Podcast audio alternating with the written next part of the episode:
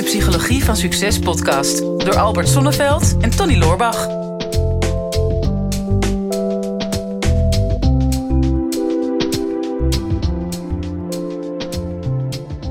Jonge, jonge Tony, ik voel me wel een beetje bevoorrecht, eerlijk gezegd. Ja, dat kan me voorstellen, ja. Je weet nog niet waarover, maar, Nee, maar- ik ben een van de weinige mensen waar jij mee belt. Ja. Ja, ja dat is echt wel, vind ik wel, van alle vrienden die ik heb, en ik zal ze gelijk alle twee even opnoemen. dat, is, dat is Henk en dat ben jij. Nee, nee, doe ik heel veel andere lieve vrienden tekort. Nee hoor. Maar eh, ben jij wel degene waar ik het minst mee bel? En als ik bel, dan app ik jou altijd even van tevoren van... Tony, komt het uit dat ik nu even bel? Ja, ja dat, dat, dat is wel netjes. Ja, Dan is- heb je nog wel kans dat ik bel, ja. Ja, het is een beetje rebels ben je eigenlijk. Ja, bij mij gaan altijd alle alarmbellen af als ik een ja. telefoon hoor. Ja. Ja, echt waar. Hè? Is, is dat iets, want ja, ik ben misschien een oude, oude, weet ik veel wat, oude zeur of zo. Maar is dat nou echt iets van jouw generatie of, of nog jonger? Millennials? Dat, dat weet ik niet. Dat, daar, hebben, we- daar hebben we een vraag over gekregen. Lees die meteen voor. Ik was Oh. al bijna antwoord aan het geven. Maar dat Ja, zou heel nee, nee, onprofessioneel nee. zijn geweest. Ehm, we hadden een vraag namelijk gekregen van Manon. Oh, Ehm, ze zegt naar aanleiding van de podcast over conflict situaties een vraag. eh, de angst voor directe communicatie. Is dat een millennial kwaal? Ze zegt, ik luister met veel plezier naar jullie podcast. Nu kwam ik deze link tegen en voelde meteen veel herkenning. Iemand die twittert, ben ik de enige die een stressreactie krijgt als ik gebeld word? Moet ik nu een zelfhulp, zel- zelfhulpboek lezen? ja, of een, eh, ja, een belgroepje gaan beginnen misschien. Ja, precies. Ja. Nou ja, ik weet niet of dat, dat van mijn generatie is. Misschien wel meer. Ja, Ehm, omdat je natuurlijk ja, anders kan communiceren. En wij zijn natuurlijk meer, eh, de millennials zijn opgegroeid met eh, MSN, Messenger en daarna WhatsApp. Dus wij, wij communiceren heel veel in chat met elkaar. En het voordeel van chat is natuurlijk dat, dat je tijd hebt om na te denken. Ehm, dat je meer adrem kan zijn of meer adrem kan overkomen. ja. Ehm, en, en dat je ook vaak wat eerlijker durft te zijn. Is dat zo? ja. Ja? Als jij iets, iets typt en eh, Ja, ja, ja. er is geen directe eh, eh, feedback terug, dan durf je wel wat steviger in je mening te staan. Maar als je met iemand spreekt, zeker als je iemand in de ogen kijkt, dan durf je vaak al minder voor je mening te staan, minder te zeggen dan dat je met iemand belt. En als je belt, durf je minder te zeggen dan dat je met iemand appt. Dus dat zou, dat zou wel kunnen. Dat, Ja. Omdat je dat zo aan hebt geleerd, dat je merkt van nou, ik kan aan een telefoon, dan ben ik misschien niet mezelf, want dan moet ik meteen spontaan en adrem zijn. En dat durf ik niet. Daar vind ik mezelf niet goed genoeg voor. Ja, bijzonder. Ja. ik ben natuurlijk nog opgegroeid met een bakkelieten telefoon. Ja, als jij mij belt, moet je ook nog steeds die draaischijf. Ja, ja, ja, ja, ja, ja, de, de- ja inderdaad. eh, Welk nummer moet ik dan draaien? Weet Ja. je zo. Maar ehm, ja, dat is wel bijzonder. Ja, ik, ik zit er gewoon even over na te denken van hoe dat dan in mijn eigen leven ging, op die leeftijd ook. Maar toen ik jong was, ja. Wat de grap die ik uit het, altijd uithaalde met bellen was dat ehm, ja, mijn broer en ik, wij schelen vier jaar, Henk is vier jaar ouder, en wij hebben dezelfde stem. En ja, dan gebeurde het wel eens dat zijn vriendinnetje belde. Maar ik nam dan gewoon op met mijn achternaam Zonneveld. En dan dat vriendinnetje die hoorde dat dan niet zo goed. En die zei dan meteen: Oh Henk, ik heb zoveel leuke dingen meegemaakt. En die begon dan een heel verhaal te vertellen. En ik bleef dan gewoon hangen. Heb je Want- nooit misbruik van gemaakt. en daar heb ik dus zwaar misbruik van gemaakt. Want als ze dan klaar was met het verhaal, dan zei ik: Goh, zal ik dan Henk even pak, bellen nu? Of even, even erbij Een pakken? andere verhaallijn. En eh, vervolgens ehm, legde ik de horen neer en dan pakte ik weer op en dan zei ik ja met Henk. En dan zei ze ja, die, die broer van jou, Albert, die klootzak, die heeft me een heel verhaal laten vertellen. Oh ja, dan ging je nog een keer. Ging je nog een keer. En eh, ja, dan had je nog. Ik had altijd plezier met bellen. Het duurde altijd te lang. Want wij hadden een kledingwinkel en een meubelzaak. En eh, ja, dat was tevens de zakelijke lijn. en ik zat soms uren met mijn vriendinnetje te bellen. Ja, dan kon er gewoon geen klant bellen, maar dat, dat ging allemaal zo. Dat was echt Ja. wel een Ja, natuurlijk ook geen. Ja, de andere optie was dan eh, een brief schrijven. Ja, een brief schrijven. Ja. Ja, nog net niet met een postduif versturen, maar wel... Ja, of gewoon er naartoe wandelen of fietsen. En Ja. iets anders was er niet. Ja. Nou, het is wel grappig, want kijk, ik, ik heb nog die scheiding natuurlijk meegemaakt van Heb jij een scheiding meegemaakt? Jouw Nou, ouders niet- zijn nog steeds bij niet elkaar. zoveel als jij. En je haar zit toch ook weer aardig in het midden, maar goed. Ja, precies. Ja, ik heb ook wel eens in een scheiding gezeten hoor, vroeger. nou ja, Ja. kijk, toen eh, mijn, mijn basisschooltijd, begin middelbare school, dat was eh, voor de mobiele telefoons. Ik kreeg pas mijn eerste mobiele telefoon toen ik 16, 17 was. Ja. Dus daarvoor was het inderdaad gewoon ja, iemand, iemand opbellen. Maar zeker basisschool, van, ja, dan zag je gewoon jouw sociale leven. Dus, want zo noemde je dat als kind. Ja, tuurlijk. Eh, zag je alleen gewoon als je daar fysiek bij aanwezig was. Als je dan daarna naar huis ging, dan sprak je elkaar niet. Nee. Tot de volgende dag. En middelbare school kwam op een gegeven moment dan MSN... waardoor je dan ook gewoon na schooltijd dan nog met elkaar in contact kwam. En dat, dat heeft natuurlijk communicatie wel heel erg veranderd. Dat je mm, natuurlijk daaraan went. Hè, dat je, ik merkte dat toen al op de middelbare school... dat ik dan bijvoorbeeld, vond ik een meisje leuk... En dan ging ik natuurlijk dat in de klas niet tegen haar zeggen. Nee. Want er was een alternatief. Je kon namelijk ook gewoon op MSN gaan. En dan daar gaan chatten. En dan durft dan misschien dan wel wat meer te flirten en iets te zeggen. Terwijl als de- dat alternatief er niet was geweest... Ja, dan op een gegeven moment, je zult dan, je zult dan toch wel echt wel moeten. Dus zul je Ja. wel echt in real life iets van moeten zeggen. En, en, wat, en, en maakt het dat dan kwetsbaarder of zo? Of hoe werkt dat dan precies? Want ehm, als je moet bellen in plaats van chatten... Want hoe ervaar je dat zelf? Want ja, jij vindt het gewoon niet fijn... Hè, dat wil ik best wel zeggen tegen de luisteraars... als Ja. jij gebeld wordt. Nou, kijk, nu is het voor mij eh, een, een tijdsdingetje. ik hou Ja. er niet van dat iemand anders een, een stuk van mijn tijd zomaar kan pakken op het moment dat iemand anders het uitkomt. Dus ik Ja. vind zelf geen enkel probleem om iemand anders te bellen en in te breken op andermans agenda. Maar ik ben over het algemeen bewust van, van, van elk uur in een dag wat Mm. ik in dat uur aan het doen ben. En als iemand mij belt, dan heb ik dus een ander plan dan dat ik zelf van plan was. Hè? Eh, dus dus dat, dat is het voor mij. Daarnaast merk ik dat gewoon heel veel dingen die in een telefoongesprek van een kwartier gaan, dat dat ook echt in een WhatsAppje van, van een paar zinnen opgelost had kunnen zijn. Ik ga ook Ja. niet heel goed op van die hele lange voice-appjes waar dan tien vragen in zitten. En dan moet ik dat helemaal gaan uitpluizen en daar dan op reageren. Dus voor mij is het echt een tijdsdingetje eh, nu. Maar misschien heeft het ook wel met angst voor confrontatie te maken. Ja.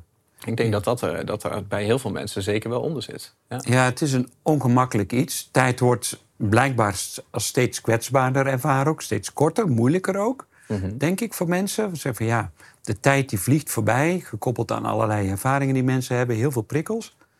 Maar ja, ik, ik merk ook wel zelf dat ik... ehm, ja, hoe werkt dat eigenlijk bij mij? Ik, ik, ik merk nog steeds wel dat ik... Ik ben echt wel van het contact en het bellen. En ja, dierbare mensen, ja, daar kan ik best wel lang mee, mee, mee appen. Maar op een gegeven moment denk ik, ja, nou ben ik er wel klaar mee. Nou wil ik toch ook gewoon even een, een telefoongesprek eh, hebben. Maar dat duurt dan ook langer. Maar dat moet ik dan een soort van inplannen of zo. Ja. Omdat ik het ook wel... Ja, ik ben meestal zo afgestemd dat ik het ook wel heel spannend vind... om inderdaad zomaar in te bellen. Mhm. En ehm, ja, we hadden het net even in het voorgesprekje over met onze cameraman Joris. Die zei ook van ja, mensen die, ja, die als die bellen, gaan ze, komen ze meestal iets halen. Moeten ze iets van je. Mhm. En daar heb je dan geen controle op. Ja, je, het enige wat je kunt doen is hem niet opnemen. Ja, klopt. Nou ja, maar dat is bij ons natuurlijk ook. Want ik heb nou met een heel paar mensen waar ik af en toe mee bel. En dat is inderdaad onder dezelfde voorwaarden als met jou. Er is altijd vooraf appcontact van zullen Ja. we even bellen? Of eh, laatst appte ik jou ook van eh, mag ik je even bellen? Dat, Ja. doe, ik, dat doe ik steeds vaker. En dan Ja. heb je inderdaad een tijd. En dan vind ik het altijd wel fijn om het te combineren. Met, nou, ga ik even wandelen of als ik dan toch in de auto zit. En dan, weet je, dan vind ik dat fijn. Want dan gaat zo'n gesprek over verbinding in plaats van iets praktisch moeten regelen. Dat, dat is natuurlijk een hele, een hele praktische kant. Maar ik denk dat het heel veel mensen eigen is om een beetje een angst voor confrontatie te hebben. En je hebt dat ook als eh, bijvoorbeeld als je op vakantie gaat en eh, je bent even een route kwijt of je snapt iets niet, van ga het even vragen. Dat zie je ook altijd hè, in groepen van wie gaat het even vragen. Ja. Dat zijn ook heel weinig mensen die zich geroepen voelen om als eerste naar een balie te lopen. Of om iemand op straat te vragen van hé, hey, eh, ik ben dit en dit eh, aan het zoeken, kan je mij, eh, kan je mij helpen? Ja. Dus er zit, er zit toch een soort van angst voor andere mensen. Ja, blijkbaar. Ja. Ja, terwijl ik dan weer nog jonger, hè, dus mijn jongste dochter Fleur, die is nu 22. Ja, die zie ik voortdurend videobellen. Dat vind ik dan ook weer zo'n fenomeen. Dan, Nog intiemer. Dat Ja. vind ik nog intiemer. Ja. En dan is, eh, weet ik veel wat, eten koken of eh, opmaken of wat dan ook. Ja, pap, ik bel je even. Ja, sta ik net in de badkamer. Mhm. ik, jee, ga ik nou video terugbellen? En dat, ja, dat is dan nog ehm, heel, ja, heel dichtbij, hè, mijn dochter. Dus dat kan nog. Maar ik zat recent op een vliegveld. Ja, zou ik ook een gast gewoon met zijn vriend eh, bellen. Maar dat, dat is allemaal weer videobellen. Dus ik, ik snap dan niet zo goed hoe dat dan werkt met confrontatie, al of niet. Wel, want dat is inderdaad weer een heel stuk dichterbij. Ja. Zit daar gelaagdheid in? Dan bepaalde mensen wel, bepaalde mensen niet? Nou, ik denk dat, dat het deels een angst voor, voor confrontatie is. Dus je wil iets zeggen, maar dat is een beetje pijnlijk. Want, want hè, misschien is het iets kritisch of hè, het is een stevige mening. Ja. En dan ben je bang voor de, voor de directe reactie. Mhm. hè. Dus het is fijn om daar een soort van veilig tussen iets tussen te zetten. Van nou, als ik het dan maar typ, dan, dan, dan Ja. gooi ik het uit. Zeg maar. Dan kies ik zelf op het moment dat het terugkomt. En dan kan ik er net zo lang over nadenken hoe ik daarop wil reageren. Dus dan kan ik bij mijn mening blijven. Dus dat is een stukje confrontatie, denk ik.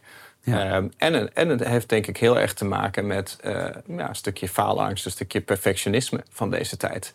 Ehm, dat je eh, gewoon het, het, het directe, spontane ehm, is vaak niet je beste vorm. Hè? Dat is net als met het videobellen.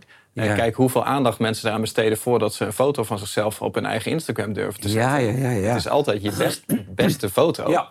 En idealiter ook nog opgemaakt of, of verbouwd met, eh, Ja. met een filter of iets dergelijks. Zodat jij aan de wereld kan laten zien van dit ben ik in optima forma. Ja. En, en ja, dat is helaas hoe goede camera's ook er op telefoons zitten. Als jij zo'n lichtgevend ding in je gezicht steekt, Ja, dan zie je er vaak niet op je allerbest uit. Nee, nee. En, en dan zie je jezelf ook nog eens in je Mhm. meest gruwelijke vorm. En ik, ik denk dat mensen daar misschien vroeger minder moeite mee hadden. Ja. Eh, Ja. Omdat de opties er niet waren. En, Ja. en nu heb je de optie om dat soort directe confrontaties te vermijden. En dus wel een eh, opgepoetste versie van jezelf. Of dat nou in tekstvorm of in fotovorm is. Je Ja. kan altijd een optimalere versie van jezelf tonen. Ja, dat klopt. Ik, ik ben me daar wel bewust van. Gisteren had ik een open dag en er kwam een oude bekende.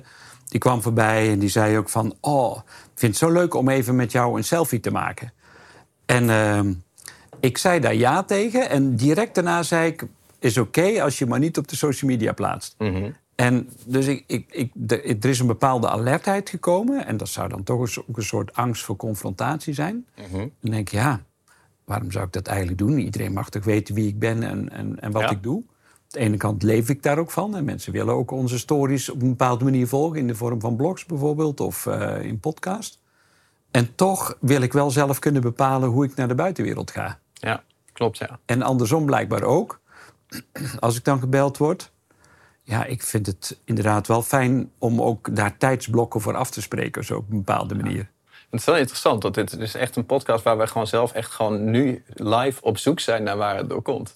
Ja, En dus denk, eh, ik denk, als je dat zo een beetje zegt, denk, dan heeft het te maken met nou, confrontatie, eh, je zelfbeeld op willen poetsen. ja. Heeft ook iets te maken met controle willen hebben. En jij zei dat inderdaad net al, van ja, als je de optie hebt om een situatie te controleren in een andere vorm of in een, in een eh, vertragende factor, Ja. dan kies je dat liever dan eh, in het moment zijn. Ik vind het wel grappig. Ik zei heel vaak in het verleden van nou, hè, ik ben niet zo van de foto's, want ik sta altijd slecht, slecht op foto's. Eh, ik ben beter in bewegend beeld. Dacht ik, ik kan beter een video van mij hebben dan een foto. En toen ben ik laatst dus ook voor het eerst met iemand gaan facetimen. Eh, want want ik, ik zou een date hebben, een blind date. En we dachten, weet je wat, we gaan eerst even facetimen. Ik denk, nou, daar zie ik ook zo op zich het nut nog wel van in. En toen zat ik dat FaceTime aanstaan. En toen zat ik het naar mezelf te kijken. Toen dacht ik van, nou, ik ben niet per se mo- mooier in bewegend beeld. Ik moet ik hier ook nog weer mee op gaan houden. Ja. Maar, maar ook daarvan, ik merkte, ja, het heeft toch iets, het heeft toch iets apart. Wij zaten een beetje te praten en op een gegeven moment, het viel even een seconde stil. En ik maakte een grapje van, eh, nou, waar zullen we het nu eens over hebben? En normaal gesproken, als ik dat hier zeg, dan lachen mensen er altijd om. En dan is dat gewoon het leuke van het ongemak, zeg maar. Ja. Maar op het FaceTime met iemand die ik niet kende, die had zoiets van... Ja, ja vind, je het, eh, vind je het moeilijk om met mij te praten? Vroeg ze Oh, toen. Ik dacht, jee. oh god, Ja. is echt wel een gat voor mezelf graven waar ik, waar ik niet meer uitkom. Nee. Ja, dus ik ben ook nog niet helemaal voor eh, in de wieg gelegd, nee. Nee. nee. Ja, en ik ben dus benieuwd, hè, want ja, we zijn ook altijd wel richting de oplossingen. Hè, je hebt al een paar dingen gezegd, eh, controle, eh, moeite om te confronteren. Ja, het heeft dus allemaal, voor mij in ieder geval, te maken met een zelfbeeld wat je hebt. En ook je eigen ruimte, want daar heeft het dan ook mee te maken. Je wil je tijd en je plaats bepalen wanneer je in contact kunt komen, hoe je in contact kunt komen, met wie je in contact kunt komen. Dus de, de hoe, de wat, eh, de wie en ook waarom. Ja, en dat kwadrant wat ik vaak invul, dat, dat komt iedere keer weer terug. En misschien is het ook wel zo als je bewust bent, dat je ook bewust kiest van, van eh, wat wil ik gaan communiceren en, en met wie wil ik dat doen en hoe wil ik dat dan doen? Welk kanaal kies ik daarvoor? Kies ik eh, nou, voor eh, WhatsApp of een andere, andere Telegram-vorm of zoiets dergelijks. Geeft niks hoor. Het is voor mij ook allemaal nieuw, Tony. Tele doen we naar maar Telegram sturen. Ja. Past Ja. niet bij, ben je veel te lang van stof voor. Ja, dat is toch iets anders. Maar ik heb toch in militaire dienst gezeten en ik was daar telexist. Oh. En daar heb ik, heb ik ook nog morsecodes moeten leren. Dit zo vertel, man, dan voel ik me zo bejaard. Ja, maar goed, ehm, even een ander onderwerp. Maar eh, welk kanaal kies je daarvoor? nou, en dan is het denk ik ook nog belangrijk dat je denkt van... oké, maar welke boodschap wil ik nou precies overbrengen? Als je dat helder hebt voor jezelf... ja, dan zul je merken dat je soms bij bepaalde personen moeite hebt... om dat contact aan te gaan. En bij anderen heb je soms weer bepaalde situaties. Ehm, en dat helpt wel. Ik, zet, ik maak ook vaak een matrix voor mensen. Ze zeggen van ja, ik vind het gewoon moeilijk om te confronteren. Heeft het dan met een bepaald persoon te maken? Dan kun je kijken van oké, eh, ja, noem maar wat, je baas of je schoonmoeder of je partner. Partner hopelijk niet. Hè? Of je zegt nou, eh, een bepaald familielid, daar loop ik altijd met een grote boog omheen. Ja, dan heb je dus te kijken, niet zozeer naar die persoon die je probeert te vermijden of hè, de confrontatie die je moeilijk vindt, maar veel meer wat roept die persoon in jou op? Hè, is er een bepaalde vorm van dominantie? Is er een bepaalde vorm van claimen of wat dan ook? Wat heeft die persoon? Of geeft die persoon naar jou terug wat jij lastig vindt? En dan heb je weer werk aan de winkel. Want dan, dan moet je dus echt aan jezelf gaan werken. En kijken van oké, wat maakt nou dat ik me daar nog zo door laat verleiden. Of dat ik het zo moeilijk vind om daar de confrontatie mee aan te gaan. Dat kun je vaak weer met behulp van coaching oplossen. Want er zit altijd een patroon of een dieperliggende kernovertuiging eh, onder. Maar het kan ook zijn dat je bepaalde situaties lastig vindt. Hè? Dus je bijvoorbeeld zegt, ja, eh, in bepaalde winkels vind ik het altijd lastig om, weet ik van wat, de paskamer uit te lopen en dan eh, mezelf weer aan de buitenwereld te laten zien. Eh, of, ehm, nou, als ik in een, eh, in een restaurant een koude gehaktbal krijg, Dat durf ik niet te zeggen. vind ik het dan lastig om, om die dan terug te geven. Of eh, vragen of dat tafeltje nog vrij is. Ja, terwijl jij altijd zegt dat wat je wil ontvangen, moet je beginnen te geven. Ja. Dus als je die koude gehaktbal dan eerst teruggeeft, dan krijg je waarschijnlijk krijg je hem ook terug. Maar misschien in een andere verbeterde vorm. Ja. ja, dat hoop je dan. Ehm, dus kijk niet zozeer naar ja, alleen maar wat er gebeurt als reactie of als symptoom op de confrontatie. Maar ben bereid, want ik, voor mij zit er altijd weer een leermoment eh, onder. Van oké, als ik nou weerstand voel om te bellen, of ik het lastig vind om die telefoon op te pakken, wat zit er dan bij mij? Eh, en vooral welk element in mij vindt het lastig om nu die confrontatie op te zoeken? En ja, als je dat eenmaal helder hebt, ja, dan kun je ieder telefoontje wat dan binnenkomt ook zien als een kans of een mogelijkheid om dat te gaan oefenen. Hè, want dat, ja, dan heb je uiteindelijk weer een keuzemogelijkheid. Want de meeste stress die je hebt, is als je niet meer kunt kiezen. Want er zijn misschien bepaalde mensen die je wel heel graag aan de telefoon hebt. Eh, en dan is het ook wel heerlijk dat je die telefoon niet gaat vermijden. Alleen omdat je bang bent dat er misschien onbekende nummers kunnen gaan bellen. Ja. Ja. ja, tenzij het dus echt een tijdsdingetje is. Dat is het enige excuus wat je mag hebben. Ja. Om de telefoon niet meteen op te nemen. Ja. Maar inderdaad te appen met eh, ik bel je over vijf minuten terug. Ja, bijvoorbeeld. Ja, mensen vinden, ja, ik, ik weet het niet. Het is natuurlijk, aan alle kanten voelen we, voelen we ons toch min of meer bedreigd. Hè. We zijn, denk ik, maar misschien ben ik beroepsgedeformeerd, maar ik zie zoveel mensen die overprikkeld zijn. Ehm, ja, ik was eh, pas op een vliegveld ook en, goh man, die, ik, ik merkte gewoon zelf dat ik het gewoon ook heel lastig vond. Eh, misschien ook wel door corona, dat ik twee jaar toch redelijk geïsoleerd en afgezonderd heb geleefd. En ik vond het juist heel prettig hè, eh, dat, er, dat er heel veel ruimte was. Ja, en of ik nou op een vliegveld ben of ik was eh, afgelopen vrijdag zat ik in een trein. Nou, er zat iemand naast me heel nadrukkelijk te hoesten. En eh, ja, ik had bijna zoiets Niks voor jou. nou, ehm, ik, nou ik, ik, ik vond het gewoon heel indringend. En ik had zoiets van, eh, rot op. In gedachten dan. Ik zei het niet, ik sprak het niet uit. Ja, misschien had ik dat wel moeten doen. Want normaal gesproken, als iemand in een stiltecoupé zit te praten... dan spreek ik iemand er ook wel op aan. Ja, iemand die zit te hoesten. Ja, eh, wat, wat, wat doe je daarmee? Maar ik merkte wel dat ik, ik, ik deed mijn oortjes in. Ik begon me af te sluiten. Ik ging een podcast luisteren. Ik denk, ja, oeh, ik, ik, wil mijn, ik wil mijn eigen ruimte bewaren. Want die, ik, voor mijn gevoel was ik die gewoon kwijt Mhm. daar. En dat kost veel energie, blijkbaar. Ja, dus, dus afsluitend, wat, wat is het advies wat we meenemen uit deze podcast? Want er lopen een paar dingen natuurlijk nu door elkaar heen. Hmm. Het gaat deels over angst om te confronteren. Ja. Daar heb je het nu net over. Dat moeten mensen gewoon gaan doen. Ja. Nou ja, gewoon is het niet, want anders deden ze het wel. hè, Dat is dus spannend. Dus eerst voordat je gaat confronteren bij jezelf kijken... oké, wat is welke angst en welke over- overtuiging zit daaronder? Als je dat zelf niet kunt ontdekken, dan heb je daar coaching bij nodig. Eh, tenminste, dat zou ik dan adviseren. Eh, en als je dat eenmaal gevonden hebt, ja, dan is het wel een kwestie van oefenen en gaan uitspreken wat je wel prettig vindt en niet prettig vindt. Mhm. Daar ook heel eerlijk over zijn. Nou, ik val dan altijd weer terug op eh, de, ja, de vier regels van geweldloze communicatie. Mhm. Dus dan benoem je de feiten, je geeft je gevoel weer, hè, hoe je voelt. Vervolgens zeg je dan wat je behoefte is en dan plaats je een verzoek. Mhm. Nou, dat helpt vaak al om, en als je met iemand een, een verbinding wil hebben, dat je die communicatielijn heel zuiver houdt. Ja. Op die manier.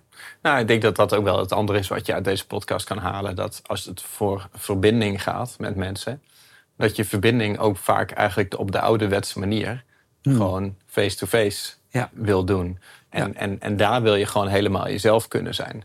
En, en dat is misschien, eh, ik heb daar eigenlijk nooit zo over nagedacht, maar omdat wij nu deze podcast hebben, denk ik van ja, dat is wel, het is makkelijk om dat uit het oog te verliezen. Hè, omdat je gewoon eigenlijk een, een bedachtzamere, opgepoetstere versie van jezelf kan zijn als je anders gaat communiceren. Hè, dus dat je denkt van nou, ik, ik vermijd het, het één op één contact. Ik vermijd het, eh, het directe ongevraagd bellen, tenzij ik dat gesprek eerst in mijn hoofd heb voorbereid in wat ik wil zeggen. En dan kies je voor de makkelijkere methode, zoals bijvoorbeeld eh, het chatten. Ehm, en ik denk dat het best goed is om voor jezelf eens te kijken van hoeveel uren per week besteed jij eigenlijk aan chatcontact en hoe groot percentage van je communicatie met mensen waarmee je gewoon eigenlijk een band hebt, doe jij per, eh, per app. En dat is wel iets wat ik de afgelopen jaren heb gemerkt. Is dat je gewoon in, in eh, chatgesprekken. Het is zo makkelijk om jezelf heel anders voor te doen. Hè? Je kan je echt voordoen zoals dat jij graag gezien wil worden door anderen. Iets wat je nooit in real life in stand zou kunnen houden. Hè? Iets waar Nee. mensen binnen een paar seconden doorheen prikken. Dat kan je via de chat, kan je dat jaren, kan je dat, kan je dat volhouden. En misschien is het wel goed om die balans weer een beetje terug te krijgen. En Ja. weer wat meer eh, de echte verbinding in te gaan. Ik vind hem heel mooi. Ja. Ja, wij zijn dus van de verbinding. Eh, dat heb je begrepen. En we zouden het heel leuk vinden om nog meer met jou in verbinding te zijn dan dat we al zijn. Dat Ach, komt wel een beetje eng over zo. Maar dat geeft Ja. niet. Nee, knippen er wel uit.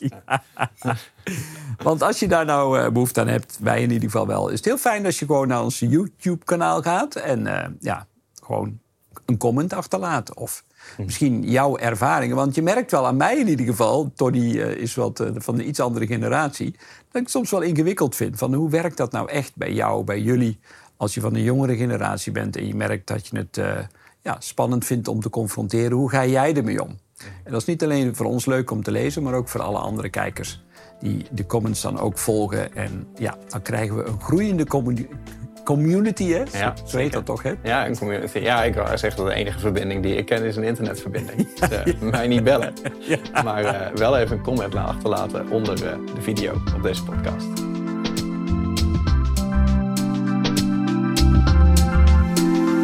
Dit is de Psychologie van Succes podcast door Albert Sonneveld en Tony Loorbach.